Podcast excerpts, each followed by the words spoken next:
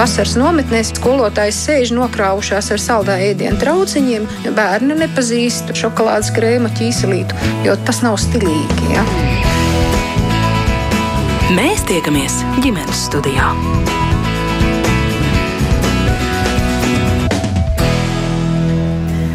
Jā, laba diena! Savu skanējumu sāk Latvijas radio viens ģimenes studija. Turpmāko stundu ar jums kopā šeit būšies Agnese Link un arī viss šī radījuma radošā komanda. Šodien mēs esam iecerējuši sarunu par DNS analīzēm. Kādos gadījumos tās veids, ko ar šo analīžu palīdzību iespējams noskaidrot un kādas radniecības neskaidrības vai ģimenes vai galu galā juridisko attiecību sarežģījumus un peripētīs tādējādi var risināt. Kā vienmēr jūs klausītājs esat laipni aicināti pievienoties šai sarunai ar saviem jautājumiem jautājumiem vai komentāriem, ja tādi rodas, droši liekat lietā Latvijas radio mājaslapā pogu nosūtīt ziņu un rakstiet mums ģimenes studijai savus eh, vaicājumus no mūsu mājaslapas. Mēs izvaicāsim tad no ekspertus kopīgi, jo par visu detalizēti ceru mums šodien gatavi pastāstīt ģenētiķe, privātā tiesu eksperte, ģenētikas laboratorijas genēra valdes priekšsēdētāja Ilze Radoviča Spalviņa. Labdien! Labdien! Arī dzens zvērināts advokāts, zvērināta advokātu padomas loceklis un Latvijas Universitātes juridiskās fakultātes pasniedzējs Mārcis Krūmiņš kopā ar mums šodien studijā. Labdien. Un telefoniski mums pievienojas arī valsts tiesu medicīnas ekspertīzes centra tiesu medicīnas laboratorijas departamenta direktora un vecākā tiesu medicīnas eksperte Areta Sabule. Labdien! Labdien! Un certificēta mediātore, juriste un tiesību zinātnes doktorante Kristīne Dārzniece. Labdien, Kristīne! Labdien! Es sākšu ar jautājumu, laikam, Ilzei kā ģenētiķei, kā laboratorijas pārstāvei, kas ir DNS analīzes un kā tās vispār veids, ko tas vispār nozīmē? Nu, tātad DNS analīzes uh, pašā pamatā ir uh, mūsu ģenētiskās informācijas nu, kaut kādas daļas nolasīšana. Mm -hmm. Tas ir tātad analīzes pašā pamatā. Uh, beidz to dažādu iemeslu dēļ, gan radniecībām, gan medicīnām, gan, gan, gan, gan vienkārši tāpat citreiz cilvēku izklaidēji. Tā kā, nu, jā. Kas tas īsti ir, kā šīs analīzes notiek? Vai jūs varat tā plašāk nedaudz pastāstīt? Uh, nu, tas paraugs, ko parasti cilvēkam paņem, tas var būt ļoti dažāds. Jo DNS ir principā gandrīz visās mūsu šūnās. Līdz ar to dara visas šūnas, kurās ir kodols. Jo, attiecīgi, tad, ja ir kodols, tad ir DNS. Tad, tad dara gan asinis, gan, gan siekalas, gan ādas gabaliņi, gan izrautas, teiksim, matu saknītes, dara, kur arī ir šūnas rīķi. Lasīju, ka mats pats par sevi. Pats par nedara. sevi. Matu saknīti, ja būs, tad. Jā, tieši tā. Jā. Un, un kā tas notiek, kā biežāk, nu, asinis, āda, es nezinu, mati vai kaut nāk. Standartā, standartā tas ir asinis un uh, mutes guļotādas uztriebs, kas ir absolūti neinvazīvs un nesāpīgs process, ļoti viegli noņemams paraudziņš. Cilvēki to arī var paši izdarīt, ja vajag kādreiz. Tā kā Nu, tad, tad mēs ar šiem paraugiem veicam teikt, ķīmiskas reakcijas, kuru rezultātā mēs nolasām mums interesējošās DNS daļas. Nu, to atšif, nu, nevis atšifrējam, bet nolasām DNS kodu kaut kādā konkrētā vietiņā, mm kuru mums interesē. Un tad, attiecīgi, nāk secinājumi no tā visa. Jā. Tas tāds vienkāršs vai sarežģīts process, var tā izvērtēt? Atkarīgs no analīzes. Ir analīzes, kuras mēs varam uztaisīt vienas dienas laikā vai pat dažu stundu laikā.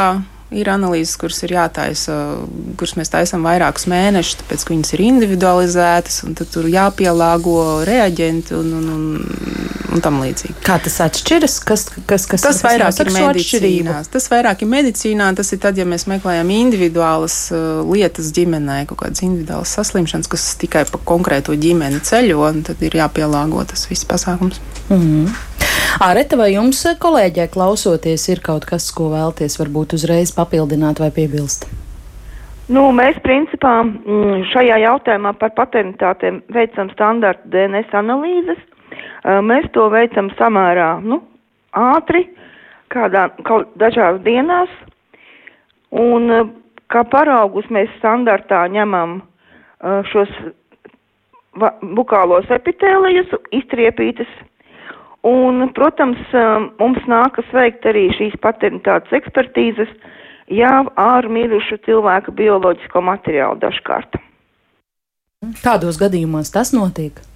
Uh, nu, tas notiek um, tad, kad cilvēks, kāds cilvēks ir gājis bojā, un ja no viņa ir saglabāts uh, bioloģiskais materiāls vai izņemts, uh, tad mēs to veicam. Uh, dažreiz tas var būt, ja cilvēks ir miris vardarbīgā nāvē, tad viņa bioloģiskais materiāls tiek izņemts mūsu tiesu ekspertīžu nodaļās un nosūtīts uz mūsu arhīvu, un tad ar tiesas lēmumu mēs varam to izmeklēt.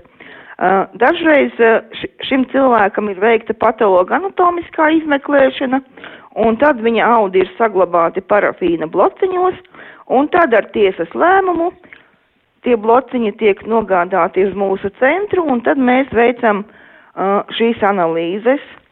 Nu, dažreiz ir bij, bijuši gadījumi, kad ar tiesas lēmumu no kāda miruša cilvēka tiek izņemts kaut kur patoloģijas centrā arī paraugs un atsūtīt pie, pie mums izmeklēšanai. Bet tas miruša cilvēka materiāls tikai un vienīgi ar tiesas lēmumu. Bet tādās sadzīviskākās situācijās, ja mēs nerunājam par vārdarbīgu nāvi vai par slepkavībām, arī kādreiz kāds kaut ko saglabā vai izņem eh, no aizgājuma? Reāli, reāli tā teikt, tas materiāls nav, nebūs vairs, ja kāds kaut ko būs saglabājis vai izņēmis, tas nebūs korekts materiāls un tam nebūs, nu, tā tiesiskā svara.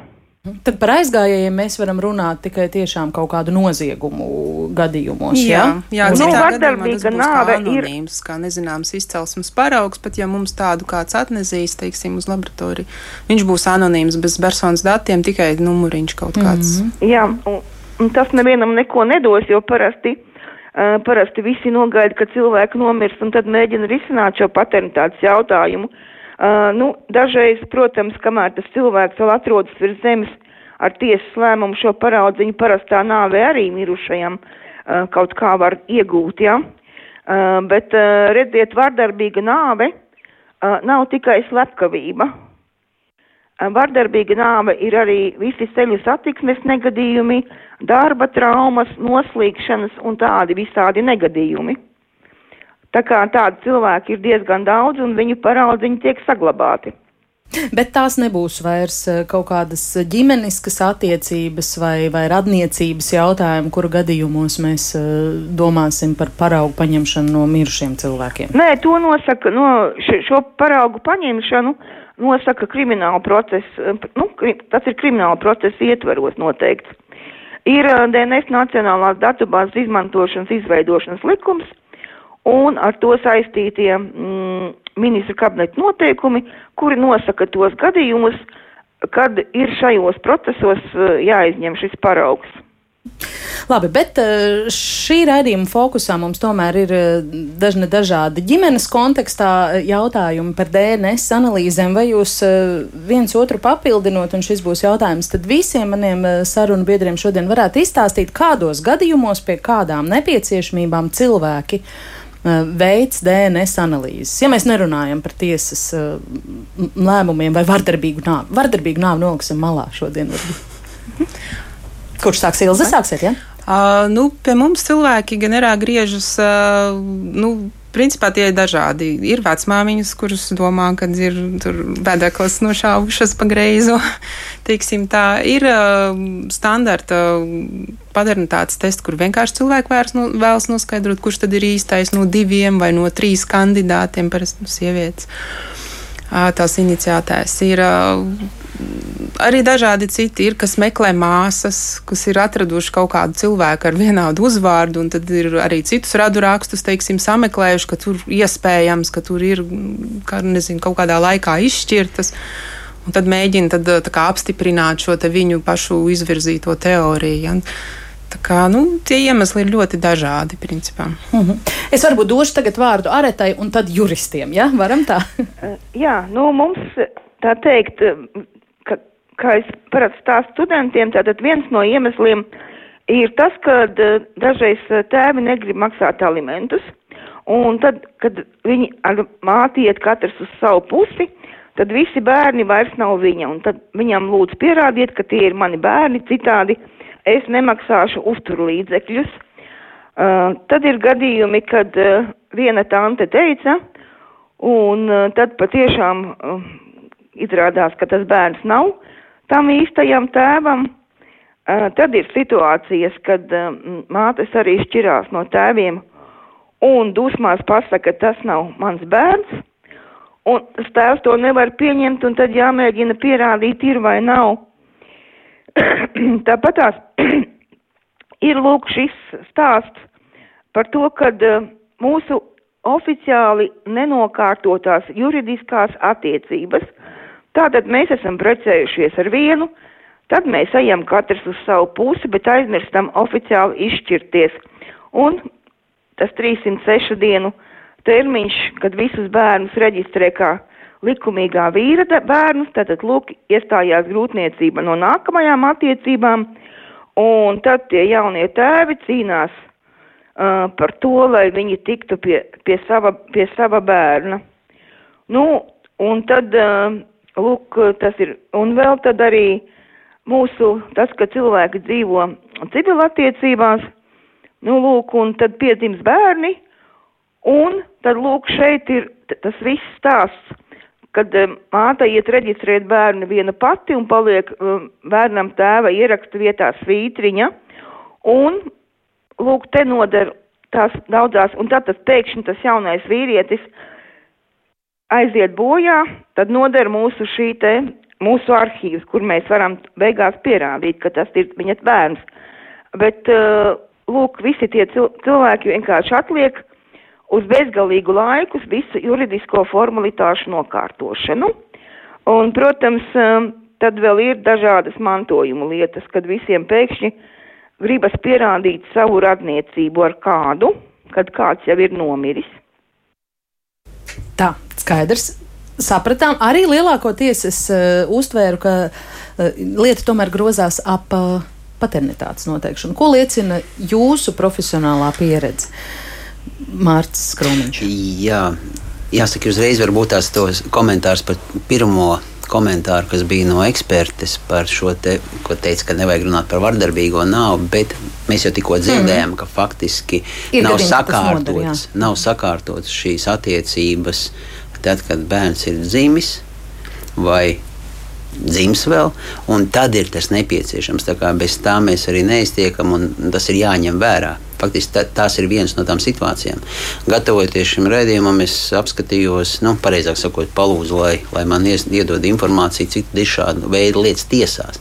Jāsaka, ir uzreiz, ka uh, patern, ir divi veidi lietas, un uh, viena ir paternitātes noteikšana.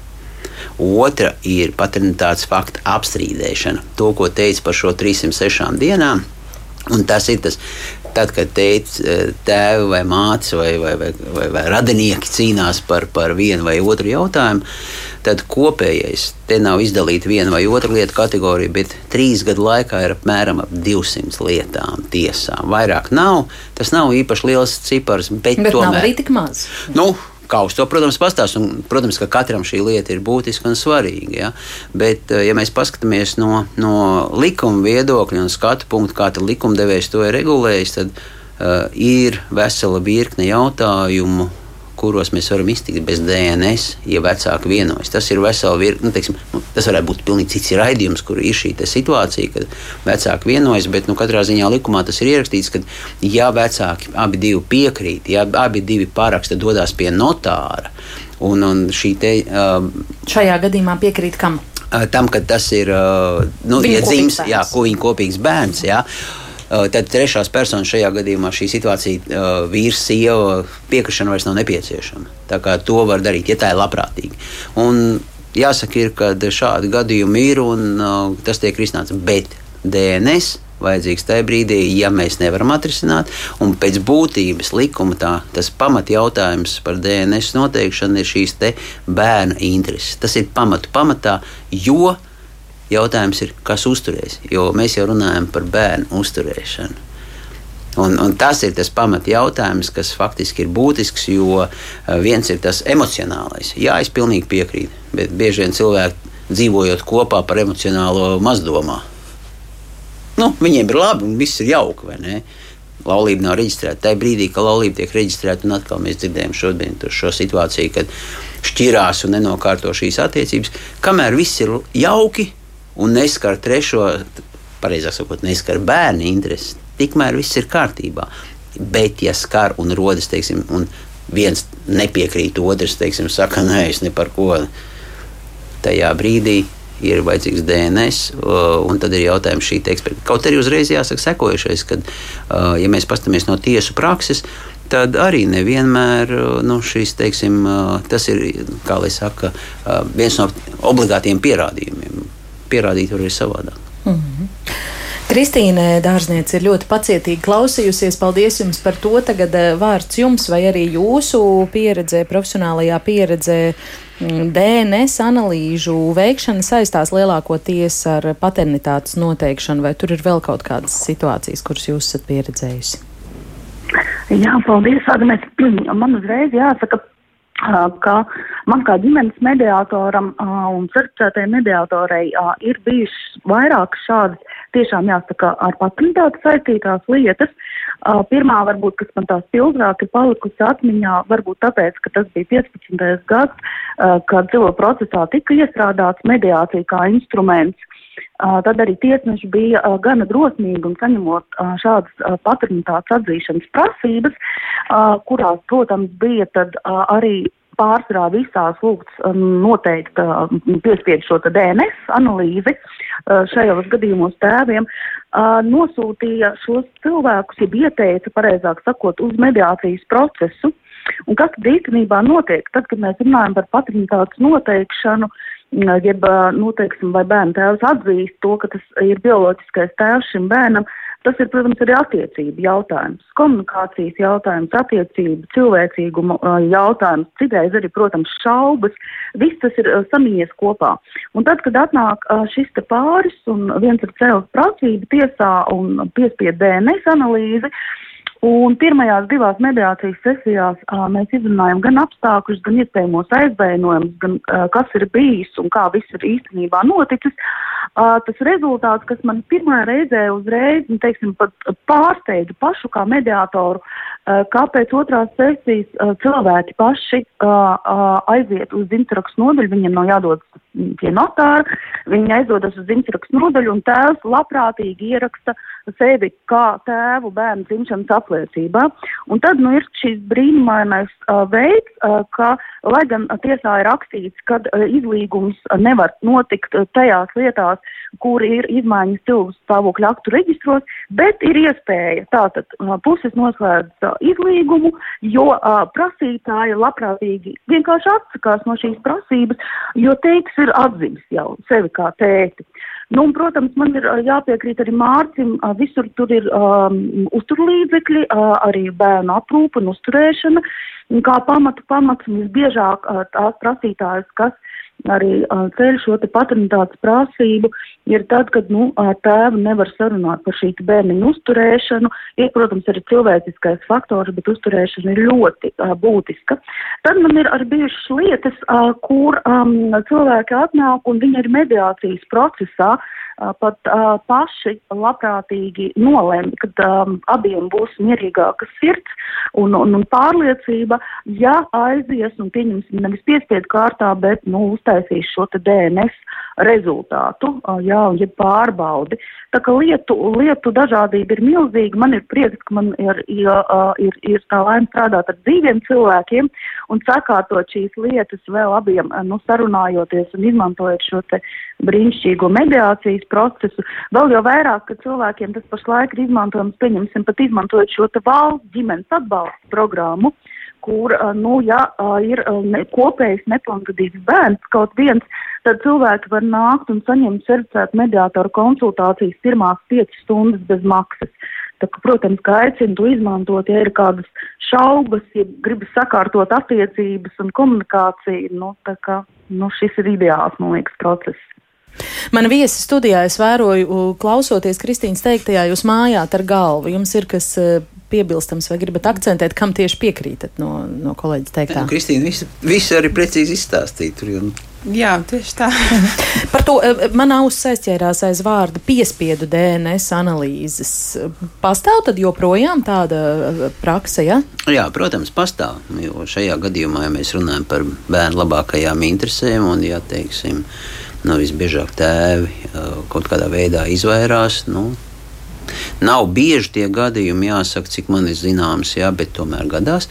Tad šis piespiešanas mehānisms, nu, tas pēdējais solis ir, ka tiesa nosaka kā obligātu, un tad ir piespiedu atvešana. Tā ir tā retā reize, kad eh, var piespied, at, piespied kārtā, ja tiesa nosaka. Te jau atkal ir nu, tie. Un tad ierodās Ilzi pie jums uh, darbā roku dzelžos. Nē, roku dzelžos saslēgt cilvēku. Policija atved, nu, es nezinu, vai tur roku dzelžos nevienmēr atkarībā no tā, cik labprātīgi viņš tai policijai dodas līdzi, bet jā, ir bijuši gadījumi, kad policija atved piespiedu kārtā. Mm -hmm. Areta vēl vēlties par šo varbūt ko komentēt? Nē, mums diezgan bieži šādi gadījumi ir kad, at, kad atved policija ar konvoju. Arī tieši paternitātes noteikšanai? Jā, tieši paternitātes. Ja? Nav nemaz tik rēti. Jā, jā, jā. Nu, var sakot, ja viņi neierodās vienu reizi, neierodās otru reizi, neier, un tad ar treš, trešo reizi, nu tad noteikti gaidīsim konvoju. Jā, nu te gan man uz, uzreiz, es atvainojos, Kristīnā, jā. Bet es, es ļoti, ļoti gribu pie, pie šī uzreiz, tad, ja mēs runājam par to ģimenes studijā un klausās uh, vecāki, gan, gan tēti, gan mātes, par, par kuriem ir kaut kādas šaubas, tad man ir tas aicinājums, uh, nu, pieņemsim, nu, par šo te piespiedu atvešanu vai neatvešanu vai iešanu uz šīm DNS analīzēm.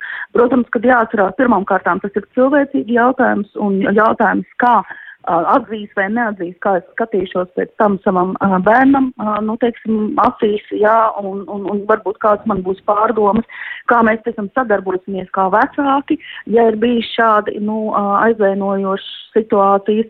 Uh, negribu arī noliekt, protams, ka visu šīs uh, tiesvedības, tas ir gan laika jautājums, gan arī, nu, diezgan uh, finansiāli smags jautājums. Jo cik man zināms, um, arī šīs DNS analīzes maksā diezgan uh, nu, tādu summu. Es ne, nezinu, cik es tāpēc no, noteikti par to neminēšu, bet jebkurā gadījumā, ja tas ir tikai nu, kāds principa jautājums, ja tas tiešām nav pārliecība, jā, un, un, un tad lūdzu cilvēks tomēr aicināt savā starpā mēģināt nonākt pie, pie viena galda. Uh, izrunāt šīs lietas, nu, un vienmēr šīs pārējās tiesvedības un citas lietas atsākt kā tādus galīgos līdzekļus, ja nu tiešām nav iespējams. Tas tā no manas. Jā. Kādam vēl par šo, kas piebilstams? Jā, man ir piebilstams uh, attiecībā par to cenu. Tas uh, tests, teiksim, uh, nav tik dārgs, lai atsvērtu to, ko tas mm -hmm. cilvēks eh, sev kādu parādu, viņš sev uzkrāja ilgstoši neierodoties šai procesā. Jo, cik es zinu, šie te uztaru līdzekļi, ja beigās izrādās, ka viņi ir piedzenami no šī vīrieša, viņi sāk skaitīties no brīža, kad sieviete ir iesniegusi tiesā, nevis no brīža, kad viņš ir uztaisījis mm -hmm. testu. Un līdz ar to pat, ja viņš gadiem mm -hmm. velk to visu garumā, viņam tāpat pēc tam tas viss mm -hmm. tiek vai nu jāatmaksā, vai nu pēc tam no viņa piedzena attiecīgi parādu piedzinēji. Mm -hmm. Nesaucot konkrētus eh, ciparus, konkrētas summas, jo tas tad eh, tiks interpretēts kā pakalpojuma reklāma, vai, vai šis ir dārgs prieks, tas ir tāds finansiāli ietilpīgs eh, pakalpojums, vai tas ir pieejams, un kādos gadījumos kurš par šīm analīzēm vispār maksā? Maksā prasītājs, jā, tas, kurš grib. Jā, par, parasti standartā maksā prasītājs. Jā, ir bijuši reti gadījumi, kad no tiesas ir, kad maksā tiesu administrācija, un tad viņi tur paši tiek tālāk galā. Uh, Bet pārsvarā tas tātad ir prasītājs. Ja prasītājs ir sieviete, tad maksā sieviete, ja prasītājs ir vīrietis, tad vīrietis mhm. attiecīgi. Mm. Nu, tā cena ir tāda, nu es neteikšu, ka viņi ir pārdabiski dārga. Bet, nu, tie nav nu, desmiti, tie ir tie, simti. Tie ir simti nav jā. tūkstoši. Nav tūkstoši, tā, jā. jā. Mhm. Nu, šeit jā. ir, ja tie no prakses skatās un ņemot vērā vēl faktiski mūsu sabiedrības lielākās daļas, sauksim to tā, materiālo stāvokli civil process paredz uh, iespēju uh, lūgt tiesai kaut kādā veidā vai nu samazināt uh, teiksim, sākotnējo šo. Jāsadz, tāpat tās būs. Tas mm ir mhm. skaidrs. Jā. Kādam būs jāmaksā, Kādam būs jā. jāmaksā par to. Bet, nu, lūgt samazināt, vai, ja teiksim, šīs maznodrošinātais status, tad tur uh, vispār iet pēc citiem noteikumiem un atbrīvošanas. Bet tas nenozīmē to, ka, ja izrādīsies, ka, teiksim, atbildētājiem šis DNS tests būs. Ja pozitīvs skaidrs, tad viņam jāmaksā. Mm. Bet, ja viņš ir negatīvs, tad tāpatās no, no pieteicēja tas šajā gadījumā tiks piedzīts šīs summas, neskatoties uz to, ka kad ir. Tāpēc jokoties ar šīm lietām nevajag. Un es pilnīgi piekrītu. Tas pirmkārt jau ir savstarpējo attiecību jautājums. Jo nu, tiesa nav priekš tā, lai spēlētos ar vienu, otru vai trešo, ja skaidrs, ka te ir iesaistīti. Mēs tagad runājam par tēti un mammu vai iespējamo tēti. Ja, pareizi minēja, kad jānoskaidro, jo, nezinu, jau mamma arī nezina, kurš ir tētis. Ja, ir, tas, protams, ir sarunu ceļā, bet tajā pašā laikā uh, te ir iesaistīts bērns. Un, kamēr viņš ir maziņš, viņš neko nesaprot. Teiksim, nu, kaut arī viņš saprot, mēs taču zinām, ka bērns saprot, un tāpat tās, tās emocijas un izjūtas un vispār, jo viņš jau jūt mammu. Ja, šajā gadījumā bērns pamatā pie manis, bet viņš tāpat tās jūt, kas, kas notiek. Un, bet tikko kā aug lielāk, tad bērns ir visā tajā iesaistīts. Un, nu, tas, ticiet man, nav patīkams process nevienam. Mm. Aret, kas jums par šo vēl varbūt uh, piebilstams? Uh, nu, jā, mums ir samērā bieži mūsu, mums ir, kad maksā, ir noteikts lēmumā, kad maksā tiesu administrācija, jo mātes prasītājs ir, uh, nu, maznodrošinātās. Kas notiek ar to naudu tālāk, mēs, protams, nezinām, uh, bet principā, protams, kaut kad par atam tā paternitāte izslēdzās, bet ne tik bieži. Un, um, nu jā, un mums te ir dažkārt tīri raibi, jo, kad cilvēki uh, atnākuši uz centru un mēģina arī vēl savas emocionālas, savas sliktās attiecības risināt, eh, kad nākas eh, dažkārt arī um, savārt, ka te jau nu nebūs nekāda attiecība skaidrošana. Arī tādas situācijas mums ir, un tas nabaga bērns, protams, ir pa vidu. Un tad tās mātes vēl mēdz uh, re, re kāds viņš nelietis un kaut kā tā visādi izrunāties. Ir, dažkārt tas ir ļoti nepatīkami. Tas ir un neizprotami, protams no cilvēciskā viedokļa un pat no elementāra pieklājības viedokļa. Piedodiet, kā tas fiziski notiek? Arī tagad visi nāk klātienē uz uh, laboratoriju, jo es uh, googlējot, gatavojoties raidījumam, tur redzēju arī visus visādus variantus, ka tur mēs taču visi tagad perfekti mākam rīkoties ar visādiem vatas kociņiem, urķēt sev visur, kur vien vajag, un tad sūtīt attālināt arī tādas ir iespējas, vai tā kā, kā arī raksturo, ka klātienē visi ierodās un satiekās ir, vēl un sastrīdās tur. Ja man ir jāpārliecinās par šo personu identitāti, kā tad es ar vatas kociņu pārliecināšos. Tā tad jums viss nāk, klātienē notiek? Pie mums nāk klātienē, jā. Reizē vienā uh, kabinetā potenciālais nu, tēvs, jā, mamma, bērns. Uh, vai arī ir otrs, otrs uh, variants, kad uh, policijas darbinieks kaut kur reģionā paņem šo paraugu oficiāli, uh, izņem, oficiāli uzraksta dokumentu par izņemšanu, aizzīmu, aizlīmē, aizīmogo un mums iesniedz. Arī tāds vēl ir variants. Bet jebkurā gadījumā par personas identitāti ir jāpārliecinās pirms ņemt. Sapratu, jā, Ilze, jūs un tad jūs. Jā, mums ģenerāla laboratorijā arī, tātad, ja ir šie tiesu procesi, tas ir tikai klātienē ar derīgiem dokumentiem, jo mums ir jāpārliecinās, no kā mēs mm -hmm. paņemam paraugu Vēlams, lai visi iesaistītie ir vienlaicīgi, jo tad viņi viens otru tā kā atkal identificē vēl papildus. Nu, tā kā redz, ka tā jā, jā. īstā sieviete, ar ko es tiesājos, un, un, un īstais bērns, par kuru ir tas. Uh, tā problēma tā radusies. Bet mums ir arī iespēja, protams, veikt anonīmi caur pastu un vispār neierodoties laboratorijā, bet, protams, ka šie rezultāti ir tikai pašu zināšanai. Tam nebūs juridiska tam nebūs spēka. juridiska spēka. Mm -hmm. jā. jā, es par šo jautājumu vienmēr esmu domājis. Un, uh, tajā brīdī, kad jāierodās kopā, es, es pat esmu teicis tā, ka nu, var sazināties noteikti, un es zinu, ka tāda iespēja pastāv šos laikus, teiksim, ja ir šādas attiecības, ka nevar, un ka ir šīs asās situācijas, tad, teiksim, tieši, ja jāved arī bērns, un šajā gadījumā bērns ir jāved, mm. tad, tad laikus var atrast uh, atšķirīgus, lai viņi netiktos, jo tas ir vēl viena trauma, jo, piedodiet man, strunts po vecākiem, es par šo teicienu, ja, bet faktiski jau cietīs bērns, redzot visu to, ko mēs tikko arī dzirdējām, kā tas notiek. Mm. Jā, tāda gadījuma ir. Mums, bet tad laicīgi vai tiesa pazvana teiksim, un pasaka, ka šie divi vecāki labāk viņus nelikt kopā. Tad mēs vienkārši ar kaut kādu stundu starpību tos mm. laikus ieplānojam, vai arī paši vecāki jau laicīgi pabrīdina, ka labāk, labāk viņiem nebūt kopā. Kristīna, jums vēl pie šī kas komentējums? Jā, Agnes, es, es gribētu ar tādu pozitīvu, pozitīvu noti padalīties ar kādā no tagad nesenām pagājušā gada patentātes, teiksim, lietām. Bija tāds gadījums, ka kaut kādus gadus, nezinu, sešus atpakaļ, kad bērniņam bija pieci gadi, vecāki tomēr nebija atraduši to savstarpējo sarunu ceļu. Varbūt arī nenonāca līdz mediācijai, lai kā tas būtu, bet, nu, tika atzīta šī patentāte caur tiesu ar uh, DNS testu palīdzību, un tā tā dzīve bija ritējusi. Tātad tēvam bija uzlikts pienākums maksāt arī uzturlīdzekļus minimālos, un viņš šos gadus visu to arī bija darījis, bet aiz tā iespējams aizvainojumu vai uz kādām citām lietām šo pašlaik es nekomentēšu telefoniski, bet vispār nebija ticies nekādā veidā ar šo bērnu nebija uzturējis ar viņu kontaktus, un pašlaik meitenītei jau ir 11 gadi.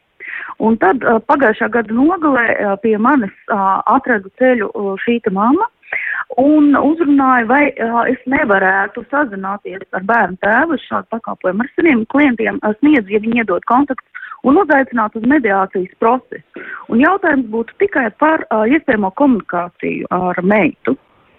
Un šis process izdevās, un bērnu tēvs uh, šajā gadījumā atsaucās, Un viņi tikās pirmajā kopējā mediācijas sesijā, un savukārt otrajā ar viņu abu piekrišanu un bērna ļoti izteiktu vēlmi, viņa tikās arī pie manis jau trietā. Un tad šis aizkustinošais stāsts, ka tomēr izrunājot šīs attiecības, nu tikai tas tests īsti vien nepalīdzēja, bet kad tas tēvs skatījās uz to bērnu, viņš teica, nu tā ir mana kopija manos desmit gados. Ja? Zinot jau, kad ir tests, jā, bet vēl vienreiz ar to runājot, nu tādas ir šīs pozitīvās lietas. Pieņemsim, pat tad, kad ir nu, notikuši šie DNS testi un šajā brīdī bija varbūt ļoti daudz emociju, kā kolēģis stāsta, jā, tur ir stumdīšanās, grūtīšanās un pārnodarījumi. Pat tad, ja nu tik tālu cilvēki ir tikuši no spējuši, vienmēr var atgriezties un mēģināt šīs attiecības tomēr atkal kārtot, jo dzīve jau iet uz priekšu, jebkurā gadījumā. Jā, ar DNS testiem mums nekas nebeidzās. Bet, nu, ja vajag, tad vajag.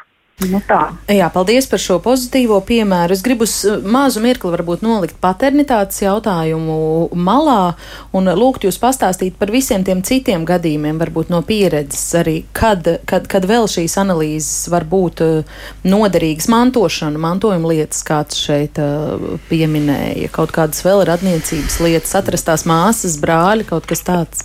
Nu, Tas, ko jūs tikko minējāt par atrastiem māsām, brāļiem, jā, tur es piekrītu, ka uh, tas varētu būt būtisks kaut vai no šī emocionālā. Ja mēs runājam par mantojuma lietām, tad laikam, uh, nu, varbūt es esmu pārāk skeptisks šajā jautājumā, bet nu, ņemot vērā to, ka uh, nu, mantojuma lietas Latvijā lielākajai daļai. Bieži vien nākās nepieteikt, nepiesakās tikai tāpēc, ka ir šie lielie kredīti un vispār kredīti kā tādi. Tad, nu, šis jautājums varbūt nav pat tik aktuāls. Ja? Nu, varbūt no filmām. Mm. Jā, liekas, jā, tur ir. Cik tad Latvijā 5% cilvēki tādi, kur varētu mēs runāt? Ja, nu, Par lieliem mantojumiem. Piedod, jā. Mm, jā. jā. Bet, ja pat tās pozitīvās, Eh, nesaucot kanālu, pagājušās brīvdienās bija jautra eh, tāda, nu, teiksim, pa DNS tieši. Eh, pašās beigās tas parādījās filmā. Arī divi ir ģimene. Es skatījos viņu un tieši domāju, ka oh, pirmdien jāiet runāt. Ir, un tieši tur ir, kad tas sižets ļoti vienkārši. Māma atbrauc, atdod no bērnu tēvam zīdaiņus trīs mēnešus un pati aizbrauc. Nu, nu, filmas ar tādiem sižetiem daudz ir. Jā. Un kas super. tur bija saistībā ar DNS? Un DNS saistībā tas, ka mamma beigās. Uh, bija tā, ka mamma gribēja šo, jo tēvs centās, lai mā, mamma satiektu to meiteni. Visu laiku centās. Mamma nereaģēja, nereaģēja, nereaģēja. Pēkšņi pēc tam, laikam, astoņiem, astoņiem pusgadiem izlasa tos e-pastus, un jā, viņi satiek to meitu. Viss ir kārtībā. Un tad viņi saprot, ka viņi grib viņu sev. Un teica, saka, bet tu taču neko neesi darījusi. Tiesā, tiesa Angli, Anglijā, laikam, tiesa piespriež tēvam, un tad ir juridiskais šis gājiens, kad nosakām DNS. Un DNS tests parāda, ka viņš nav tēvs. Kaut arī meita viņu uztver kā mm. tēvu. Un tas, tas, ko jūs jautājat par šīm attiecībām, ja, tad jautājums, kā? Jo mēs jau varam, tur, bet beigas bija laimīgas, tajā ziņā, laimīgas, kā lai saka, priekš teiksim, tā, ka viņi tomēr atrada šo risinājumu, un, un, un tur neviens gāja līdz tā, ka tur uzliek roku dzelžus. Ja. Nu, Sižeta beigās, protams, bija bēdīgs, jo meitenīte bija ar ģenētisko slimību, un viņa mira pēc kaut kāda laika. Jā. Mm. Bet nu, tas tāds ar DNS saistīts arī. Mm. Ilza, vai jums vēl ir kādi piemēri, ar kuriem padalīties, nu, kas nav saistīti ar nu, paternitāti tieši? Jā, radniecības testi pie mums ir stipri, stipri vien retāks pasākums, vairāk tie ir tad jau individuāli savai zināšanai. Tie ir anonīmi bieži mm. vien, jo tie cilvēki nevar. Tos stāstus jūs vienkārši nevarat zināt. Nu jā, gadījumā. kas tur apakšā. Mm. Uh, vēl šādi gadās, arī reti, bet, bet gadās uh, ir bijuši maternitātes testi. Uh, dažus gadus atpakaļ bija nu, sievietei atstāju savu bērniņu silītē, kā tagad to var izdarīt. Ah, nu, tajā, jā, glābēja silītē, un, un, un pēc kaut kādām dažām dienām acīm redzot pārdomājusi, un, un tad viņai bija jāpierāda tātad šī te maternitāte, jo neviens jau vairs nezina, kas tam bērniņam ir māte. Un tad jā, braucām uz, uz slimnīcu, ņēmām paraugus no mhm. zīdainīša, no mammas un taisījām mhm. maternitātes testu. Mm nu, šo papildinot, faktiski, lai nu, cik tas bēdīgi arī nebūtu, radās arī cilvēciskās kļūdas un arī teiksim, slimnīcās, tad, kad tiek saņemti šie pirms bērnu reģistrācijas dokumenti, kur tīri cilvēciski kļūdījies, teiksim, iespējams, aiz, dokumentu aizpildītājs un ierakstījis citu mammu, un arī tad faktiski šajā situācijā ir tiesu lieta. Maternitātes mm -hmm. tests noteikšana viennozīmīgi. Mm -hmm. Jo likums notiek, ka bērns ir dzimis no konkrētas Jā. sievietes, un ja tur ir ierakstīts cits vārds, pie kam pastāv jau arī iespēja. Un, ja es nemaldos, arī Latvijā ir bijusi tāda situācija, kad sieviete nosauc citu vārdu uzvārdu. Un pēc tam dzemdību nodaļā ierodoties. Jā, jā. Mm -hmm. un jā, pēc jā. tam nāk zvans un saka, un pat jāaiziet. Mm -hmm. un, protams, ka policija meklē cietu, nu, re, kur tu esi māma nāc šurp. Cilvēks mm. ar citu Cilvēku vārdu uzvārdu vispār jā, nav. Jā, jā.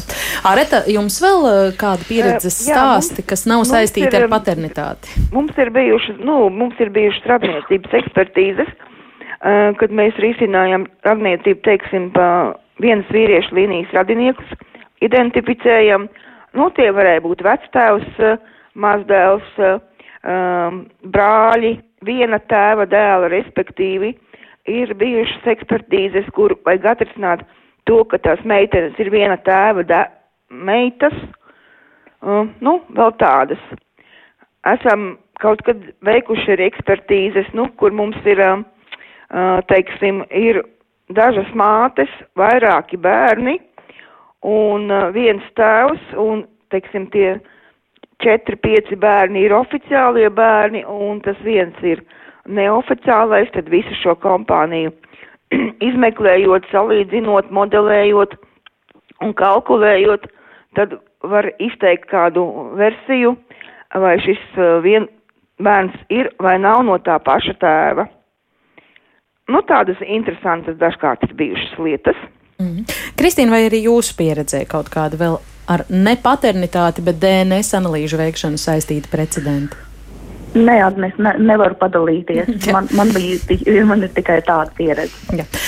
Kristīna, jūs mēs eh, laikam eh, laižam vaļā, sakam paldies par sarunu. Šodien ģimenes studijā Kristīnai jāsteidz eh, citos darbos nedaudz ātrāk. Paldies, ka dalījāties savā pieredzē šodien ar mums. Ja?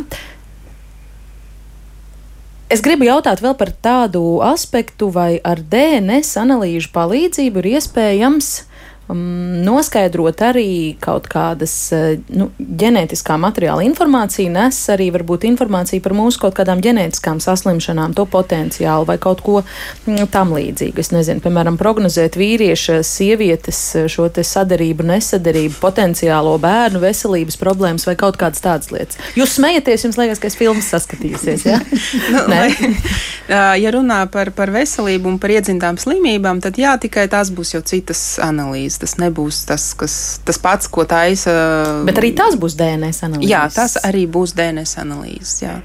Tur parasti stāsts iet cauri caur ārstiem, ģenētiķiem, kuri apkopo šo ģimenes koku, kad tiešām ir šī pārmantota kaut kāda ģenētiskā kaita, tad jau attiecīgi veids DNS analīzes, lai, lai, lai noskaidrotu, kas tā ir pa kaitu un vai jaun, jaun, jaunajam tiks jaunai paudzei, kas it kā vēl nav slimi, vai tur ir risks vai nav risks. Mm. Kādos gadījumos cilvēki izmanto šādas iespējas? Tikai tad, kad es esmu kaut kādās dziļās problēmās, jau nonākusi pie šī ārsta ģenētiķa, un tad viņš man saka, parasti, ja, dodies. Jā, parasti, ja ģimenē jau ir kādi precedenti, vai nu jaundzimušie, vai, vai māsas brāļi slimo, vai mammas tēti ir slimojuši ar ļoti smagām smagām kaut kādām slimībām tad jā, viņi parasti griežas ģenētikas, pie, ģenētikas centrā pie ģenētiķiem, un viņi mm. tad nozīmē šīs analīzes. Nu, bet, piemēram, es nezinu, kas, kas vispopulārākās bailes cilvēki parasti baidās no ļaundabīgiem audzējiem. Un, ja tie ģimenē, piemēram, kādā tur pa, pa mātes vai pa tēva līnija, kādās paudzēs iepriekš ir bijuši, tad arī cilvēki var iet pie jums un mēģināt noskaidrot, vai kaut kas tāds draud man vai maniem bērniem. Piemēram. Vispirms pie ārsta, un tad, ja ārsts uzskatīs, ka jā, tur ir,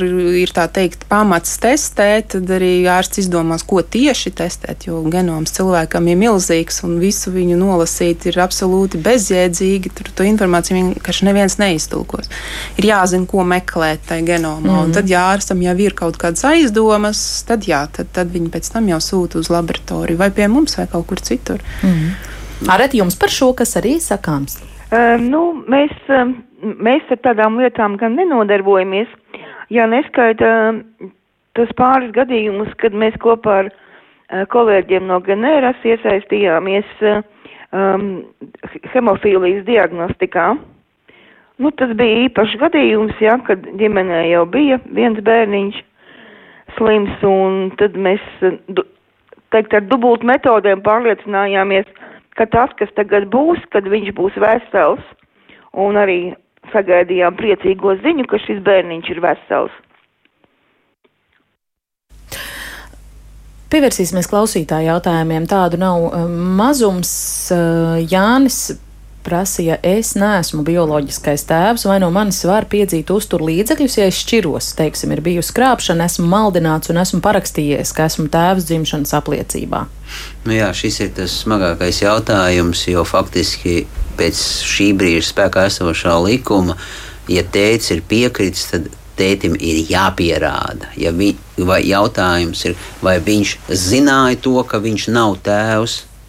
Vai nezināja. Un ko tas izšķir? Un tas izšķir to, ka tā būtība, prezumcija, likuma prezumcija pēc 13. gada ir sekojoša. Ka, ja uh, pat tad, ja vīrietis nav bioloģiskais tēvs, bet viņš ir zinājis un piekritis, ka tas ir viņa bērns, viņš ir uzņēmies visas tiesības, saņēmis visas tiesības un, un arī pienākumus. Un atpakaļ ceļa vairs nav. Un, un atpakaļ ceļa faktiski tikai viens. Tas ir tie tie gadījumi, kad viņam ir jāpierāda, vai nu ir bijis viltus, vai nu viņš ir piespiests to darīt. Vai nu viņš ir maldījies, un tad ir jautājums, kā, bet maldus pierādīt šajā situācijā. Nu, nu, bet tad viņš nevar iet uz, uz laboratoriju, samaksāt par analīzi. Nevar. Tas, un tur parādīsies, ka neesmu bērns. Un, bet, bet, tas, bet tas vairs nemaina to, ka viņš ir parakstījies tur. Tā ir tā piekrišana, ka viņš ir piekritis. Tās ir smagas lietas, un te ir tas attiecību jautājums. Protams, ka darīt to var, bet rezultāts vai būs Nu, viņam ir Domāju, jākonsultējas ar juristu, lai nu, saprastu, nu, vai ir iespējams pierādīt, ka viņš ir maldināts. Praktiski es jau pateicu, visi tie jautājumi, kas ir, kam ir jābūt pārliecībai, ka to var pierādīt. Mm. Nu, tad, tad var iespējams, bet arī tikai iespējams. Mārtiņam arī līdzīgs jautājums, vai jūs varētu ieteikt, kā rīkoties, ar ko sākt. Bērna bioloģiskais tēvs uh, grib, lai viņš tiktu ierakstīts ģimš, dzimšanas apliecībā, bet apliecībā ir ierakstīts vīrietis, kas nav bērna tēvs. Nē, nu šajā, šajā gadījumā, ja viņš to grib, jautājums ir, kāda ir atzīšana, tad caur tiesu. Viņš arī var iet uz tiesu, pieprasīt DNS analīzi. Bet arī šeit DNS analīze būs Tas, noderīga. Nu, tur ir pierādīšanas jautājums. Jā, tikai. Mm -hmm. Pie kam DNS nevienmēr ir vajadzīgs, jo tur var pierādīt ar visu, teiksim, nu, kaut vai tas elementārais, vai tētis ir gājis uz slimnīcu, vai tētis ne tikai pārskaitījis līdzekļus, vai viņš ir palīdzējis mammai, tad, kad bērniņš vēl nu, nebija dzīves, vai viņš ir apmeklējis slimnīcā, vai viņš ir veicis citas darbības ar visām darbībām, kas, ko mēs varam iedomāties, ko tēti var veikt ja to mēs varam pierādīt, tad tur jau parādās, šī situācija ir vai nav. Mm -hmm. Jā, citreiz iztiek arī bez DNS analīzēm. Silvija vaicā, ja tas nav ar tiesu noteikts, bet ir pašu interese, vai var šos testus veikt interneta laboratorijās, cik tās ir uzticamas? Tas, laikam, ir tas stāsts, ko uzrakstot DNS analīzes Google. Tur parādās kaut kādas ne valsts tiesu medicīnas ekspertīzes centrs, ne genēra, bet kaut kādas vēl citas iestādes, kas piedāvā šo pakalpojumu. Vai tas ir uzticami? Nu, jā. Labs jautājums. Nezinu, tāpēc, ka nu, mēs, protams, nezinām, kas zem tās laboratorijas slēpjas. Jā. Skaidrs, ka uh, tiesu eksperti visticamāk tur nav, jo vismaz es zinu, ka uh, Baltijā nav privāto tiesu eksperti, Latvijā ir vienīgie tādi šajā nozarē konkrēti. Uh, nu, jāpēta tad tā laboratorija. Man ļoti grūti komentēt, tur droši vien katrai laboratorijai, kas to piedāvā, ir cits stāsts apakšā. Ja? Nu, es, es zinu vienu, es tagad nesaukšu nosaukumu. Uh, kur man arī uzdeva šādu pašu jautājumu klients. Jo tur ir lētāk, un kāpēc ne tur? Un tad es paskatījos, viņi ir reģistrēti kafejnīcā. nu, es nezinu, ja, ja cilvēks uzticas tādai laboratorijai, nu, aiziet, bet uh, garantijas, es domāju, nu, jā, un juridiska spēka nebūs, nebūs arī nekāda nebūs. šeit. Šādās situācijās es saku, kāds ir mērķis. Tur cilvēkam ir jāzina mērķis, jo skaidrs ir viens, ja pat būs pozitīva atbilde ja pat būs pozitīva atbilde. Kas notiks tālāk? Urdīs visu laiku. Mēs faktiski sev, sev uzliekam šo psiholoģisko slogu. Šaubīties, turpināt šaubīties? Tad, Tad sākās tas, a, ko? Mhm. Kāds ir mērķis? Ja tas ir tā prieka pēc, nu nav tas prieka pēc, jo tas turpināsies un tas, tas cilvēkam ies līdzi visu laiku. Jā. Vai to vajag? Nu, katrs pats izlemj pats, protams. Jā, varbūt šis ir arī jautājums nākamais āretai. Daina vaicā, sakiet, lūdzu, kā noskaidrot, kur zvanīt, rakstīt, lai uzzinātu sen mirušo tēvu un mātes saiti ar mani un uh, citu šāda veida radniecību abām līnijām, vai tas vispār ir iespējams? Nu, tad šādi gadījumi katrs ir ļoti individuāls, tad, tad vispirms ir jāzina, uh, kad, kad, tie, kad tie vecāki ir miruši kādā nāvē viņi ir miruši un vai no viņiem ir iespējams saglabāt šis bioloģiskais materiāls. Teiksim, patoloģi... Nu, Daina raksta sen miruši. Tad sen jau miruši. Vien, nebūs. Jā, nu, ja viņi ir miruši vardarbīgā nāvē, tad desmit gadu periodā atpakaļ, tad, tad materiāls būs pie mums. Ja viņi ir mi miruši dabīgā nāvē un viņiem ir veikta patologa anatomiskā uh, autopsija, tad trīs gadu garumā patoloģijas centrs uzglabā viņu materiālu. Bet citos gadījumos nekā. Ja sen patiešām miruši, tad cerību nebūs daudz. Agnes vaicā par surrogātu mātes pakalpojumiem, vai surrogātu mātes bērnu DNS ir to bioloģisko vecāku DNS, bet nevis surrogātu mātes. Kā tas vispār iespējams, ja bērns deviņus mēnešus bijis vienotā asins sistēmā ar surrogātu māti?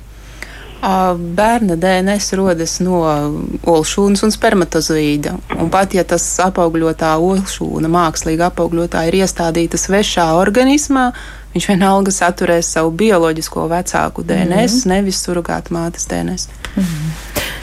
Jā, pusi uz pusi. Īsi? Nu. Pusi uz nu, pusi. Mātu, viens mātu no tēta, viens no mammas. Mm -hmm.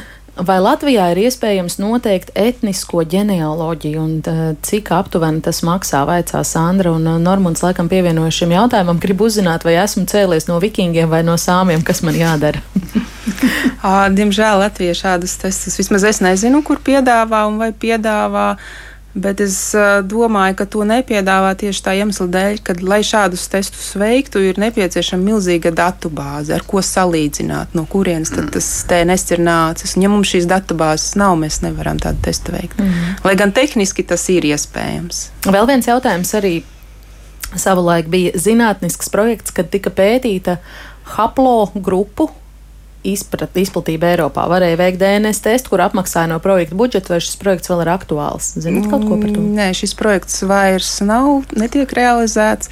Mums kaut kādā brīdī bija ideja šo te restartēt un laist kā maksas pakalpojumu, bet pagaidām mēs vēl ne, mm -hmm. neesam līdz tam nonākuši.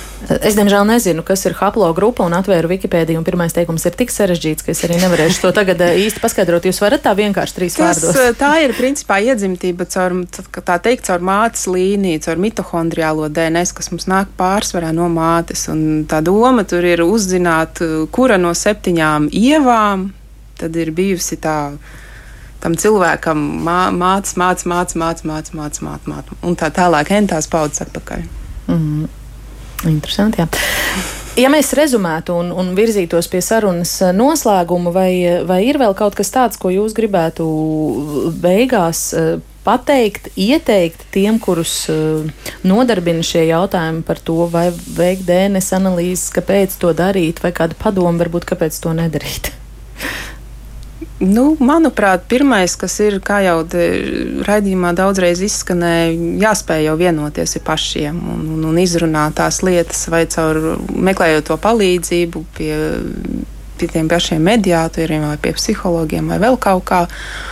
Un iespējams, tur ir atrisinājums jau uzreiz. Nu, ja ne, tad, nu, tad jārisina tās lietas ir uh, laicīgi, pēc iespējas. Un, nu, es ieteiktu caur tiesu, jo tie, tie anonīmie testi, nu, pat ja viņš tev ir cilvēkam uz rokas. Jā. Tāpat tev pēc tam otrais būs jātaisa, ja tu ies mm -hmm. caur tiesu. Mm -hmm. Līdz to tam lielas jēgas tur nebūs. Nu, mēs, mēs veicam arī, ja cilvēki atnāk uzraksta oficiālu iesniegumu ar visiem dokumentiem, un mēs viņus identificējam, mēs viņiem varam veikt uh, paternitātes testu arī bez tiesas lēmuma, un tad viņi ar šo mūsu uh, atzinumu izpētes aktu dodās uz tiesu. Arī tāds variants pastāv dzīvē. Mārcis, jums tad varbūt noslēgumā o, pēdējais vārds. Es tā vairāk varbūt filozofiski, to, ko es teicu par to mērķi, tas tā ar nodomu bija teikts, jo vienmēr ir jāpadomā, vai tas mērķis, ko cilvēks grib sasniegt ar jebkuriem līdzekļiem, attaisnosies gal galā. Mm -hmm. Nu jā. Arī dzen. Noslēgšu vēl ar kādu, kādu klausītāju komentāru. Sieviete raksta, DNS analīžu veikšana notiek ļoti vienkārši. Aizbrauc kopā ar bērnu uz laboratoriju, samaksā pēc cenrāžu un paņem siekalu paraugus no bērnu un vecākiem vai vecākiem. Kad mēs braucām pirms gandrīz uh, astoņiem uh, gadiem, Dažas dienas gaidījām rezultātu, atsūtīja e-pastā. Analīzes vajadzēja dažu šaubīgo pārliecināšanai, ka bērna tēvs ir bērna tēvs. Droši vien arī gana izplatīta situācija. Ne jā. tikai tiesa, bet eh, šaubīgās. Jā, citreiz eh, omītas, opīši. Citreiz vecāki taisa analīzes, lai jā, parādītu omītēm, opīšiem, mm. brāļiem, māsām un vēl kādam. Un pēc tam dzīvo visu mūžu kopā laimīgi, kad patiesība ir noskaidrota. Jā. jā, paldies par eh, sarunu ģimenes studijā. Es šodien teikšu saviem uh, viesiem. Tā bija ģenētiķa privātā tiesu eksperta ģenētikas laboratorijas ģenerāla valdes priekšsēdētāja Ilza Radoviča Spalviņa, arī dzens zvērināts advokāts, zvērināta advokāta padomas loceklis un Latvijas Universitātes juridiskās fakultātes pasniedzējs Mārcis Krūmiņš bija kopā ar mums ģimenes studijā un telefoniski arī valsts tiesu medicīnas ekspertīzes centra tiesu medicīnas laboratorija departamenta direktora vecākā tiesu medicīnas eksperta Tareta Sabule. Paldies jums par eh, sarunu. Rīt ģimenes studijā mēs runāsim par to, kādā vecumā ieteicams un pieļaujams uzsākt lietot hormonālo kontracepciju un kādiem mērķiem tā paredzēta.